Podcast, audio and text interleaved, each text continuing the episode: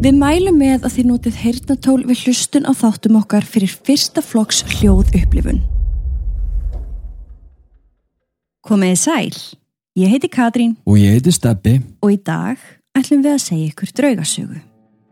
Við höldum áfram að ferðast um spán með ykkur en það margir hlustendur sem ætla að leggja leið sína þangað í sumar. Svo í dag ætlum við að taka fyrir risastóra fræga byggingu sem eflust margir hafa heimsótt en fáir vita sögun á bakvið sem er ansi óökuleg.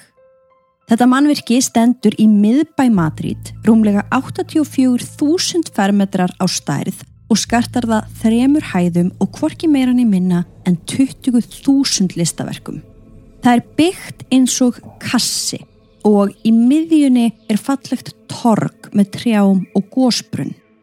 Húsið er ljóst á litin, svo liti gamaldags, nema framann má sjá nýtískulegar glerliftur utan á byggingunni sem gefur henni svona svoliti nútímalegan blæ.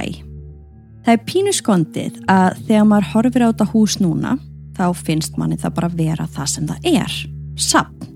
En um leið og ég segi ykkur hvað var að gerast innan um þessa veggi hér áður, þá er ég eftir að hugsa, að ég skil. Þetta lítur pínulítið út eins og gammal spítali. Veri velkomin á listasýningu í Reina Sofía safninu.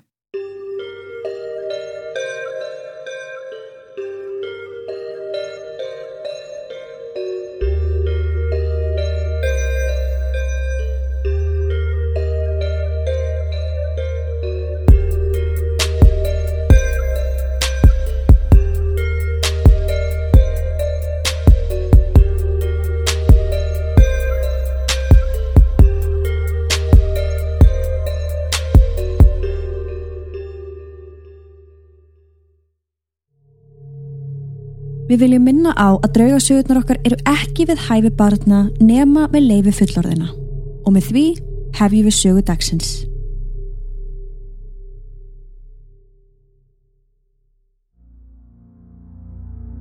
Þrjátjú og sjö ár eru liðin síðan að gamli spítalinn Hospital de Caridad í Madrid opnaði dyr sínar á ný sem listasafnið Reina Sofía. En fortíðin lifir enn í stóðum byggingarinnar og þjáningin og eimdin er enn í loftinu. Það eru margir sem finna fyrir þeim órúlegu öndum sem vafra þarna um og þó kannski sérstaklega verkamenn sem hafa unnið þarna. En líka starfsfólk og gestir, öll tala þau um að finna fyrir þungri orku, undarlegri tilfinningu. Ná svo litið eins og tíminn hafi bara stöðvast akkurat þarna inni. Trátt fyrir þær breytingar og bætingar sem gerðar hafa verið í gegnum árin. Rýmið er fullt af residual eða endurtekinu orku sem spila sömu atriðin aftur og aftur. Allan sársaukan, allar þær hörmunga sem áttu sér staðana. Sömur gangu svo langt að segja að yfir byggingunni sé bölfun sem nær yfir næstum fjórar og hálfa öld. Þarna gnæfir það í miðbænum ofan á tíndum kirkjugarði þar sem aðalega heimilust löst fólk var grafið. Yfirgefin munalust börn, fangar sem tekni voru af lífi, hermenn og andlega veikt fólk sem að þótti vera hvað hættulegast. Þó að þarna sé ljós og hlátur í dag þá vita þeir sem vita að þessi bygging er svartur skuggi yfir Madrid sem allir vita um en enginn þorir að minnast á. Upprunalega byggingin var byggð þarna á setni hluta 16. aldar undir stjórn Felipe öðrum konungs. Já og það sem hann vildi gera með þessari stóri byggingu var að sameina öll hælin sem voru á víð og dreif um. Svo að öll hælin bara í borginni átt að koma saman undir eitt þak þarna. En akkurat á þessum blett þar sem hann let reysa þetta hús þar var nú þegar lítið hæli fyrir heimilislausa og kirkjugarður þar sem fólkið sem bjó á hælinu var grafið þegar það dó. Hljóma strax eins og bara uppskrift af reymleika. Akkurat. Það hefur verið ímiskona starfsemi þarna á þessum áratugum sem húsið hefur staðið og auðvitað hefur það breyst með tímanum líka. Þarna var eitt sinn ummönuna miðstöð, það sem einnig læknisfræðinám fór fram. Svo þarna voru þúsundir krupninga gerða. Og síðan var þessu breytti í fangageimslur fyrir andlega veik börn. Mm sem, Sem voru líka munaðus. Já, einmitt. Og í borgarastyrjöldinni var þetta sjúkrahús og fangelsi á sama tíma. Bak við þykka veggina voru pyntingar gerðar og fjöldi fólks var tekið af lífi. Þannig að við erum að tala um raunverulega lík hlóðust upp í hundruðum á göngunum aðna.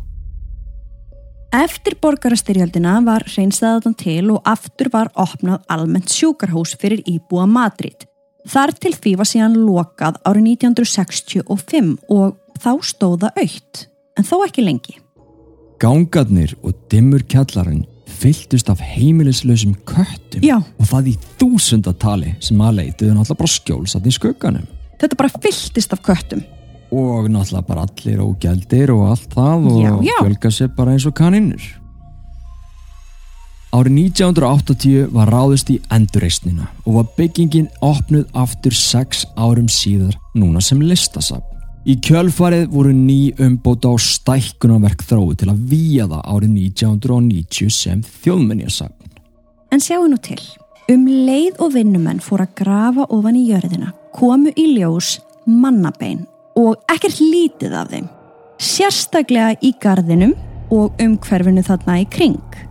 Gamla heilsuhælið sem þið munið eftir að var þarna í byrjun, það var vist ekki svo lítið, það rúmaði vist alveg hundruði manna og flestir dóið þarna. Svo eðlilega voru þeir grafnir akkurat þarna. Við erum að tala um líka að þetta var á þeim tímum þar sem að pláur geysuði yfir allan heim og náttúrulega spænska veikin og svarti döði og alls konar ólæknandi farsóttir þar sem að fólk datt bara niður dögt í nánast. Fáðu aðgang að yfir 350 þáttum, rannsóknum okkar, sönnunagögnum, viðtölum, mymböndum og okkar geysi vinsælu mánudags mínisögum ásamt alls konar aukaefni. Allt saman strax við skráningu. Engin binding og meiri sem sér app fyrir alla þættina til að auðvelda þér aðgengið. Það er auðveldar en þú heldur, svo eftir hver ert að býða. Vilt ekki vita hvernig sagan endar?